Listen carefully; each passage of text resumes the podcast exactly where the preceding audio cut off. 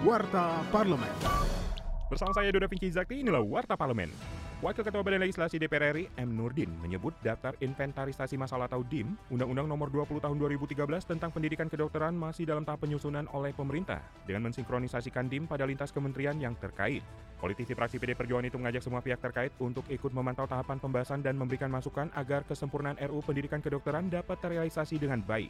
Nurdin mengingatkan RU Dikdok adalah sebagai salah satu upaya meningkatkan SDM dokter yang siap bertransformasi dengan segala problematika di bidang kesehatan dan kedokteran. Dalam rapat kerja dengan Menteri Dalam Negeri, anggota Komisi 2 DPR RI Endro Suswantoro Yahman menilai seharusnya Kementerian Dalam Negeri memiliki program inisiatif yang dapat ditawarkan pada kementerian lain agar terkoordinasi dengan baik program bagaimana mengaktifkan dari RT RW yang ada ini menginput data di kaur pemerintahan. Nanti langsung ke pemerintahan desa. Hanya variabelnya apa yang akan ditambahkan untuk ditawarkan ke kementerian yang lain. Termasuk juga stunting. Ini kan tiap ego sektoral, setiap kementerian bicara dirinya sendiri tapi tidak berbicara kepentingan nasional. Saya bermimpi sejak awal Pak Tito dilantik itu Kementerian Dalam Negeri menjadi primadona dari kementerian yang lain. Supaya semuanya membutuhkan Kementerian Dalam Negeri. Tapi kalau yang ditawarkan tidak ada, mereka mencari jalan sendiri-sendiri.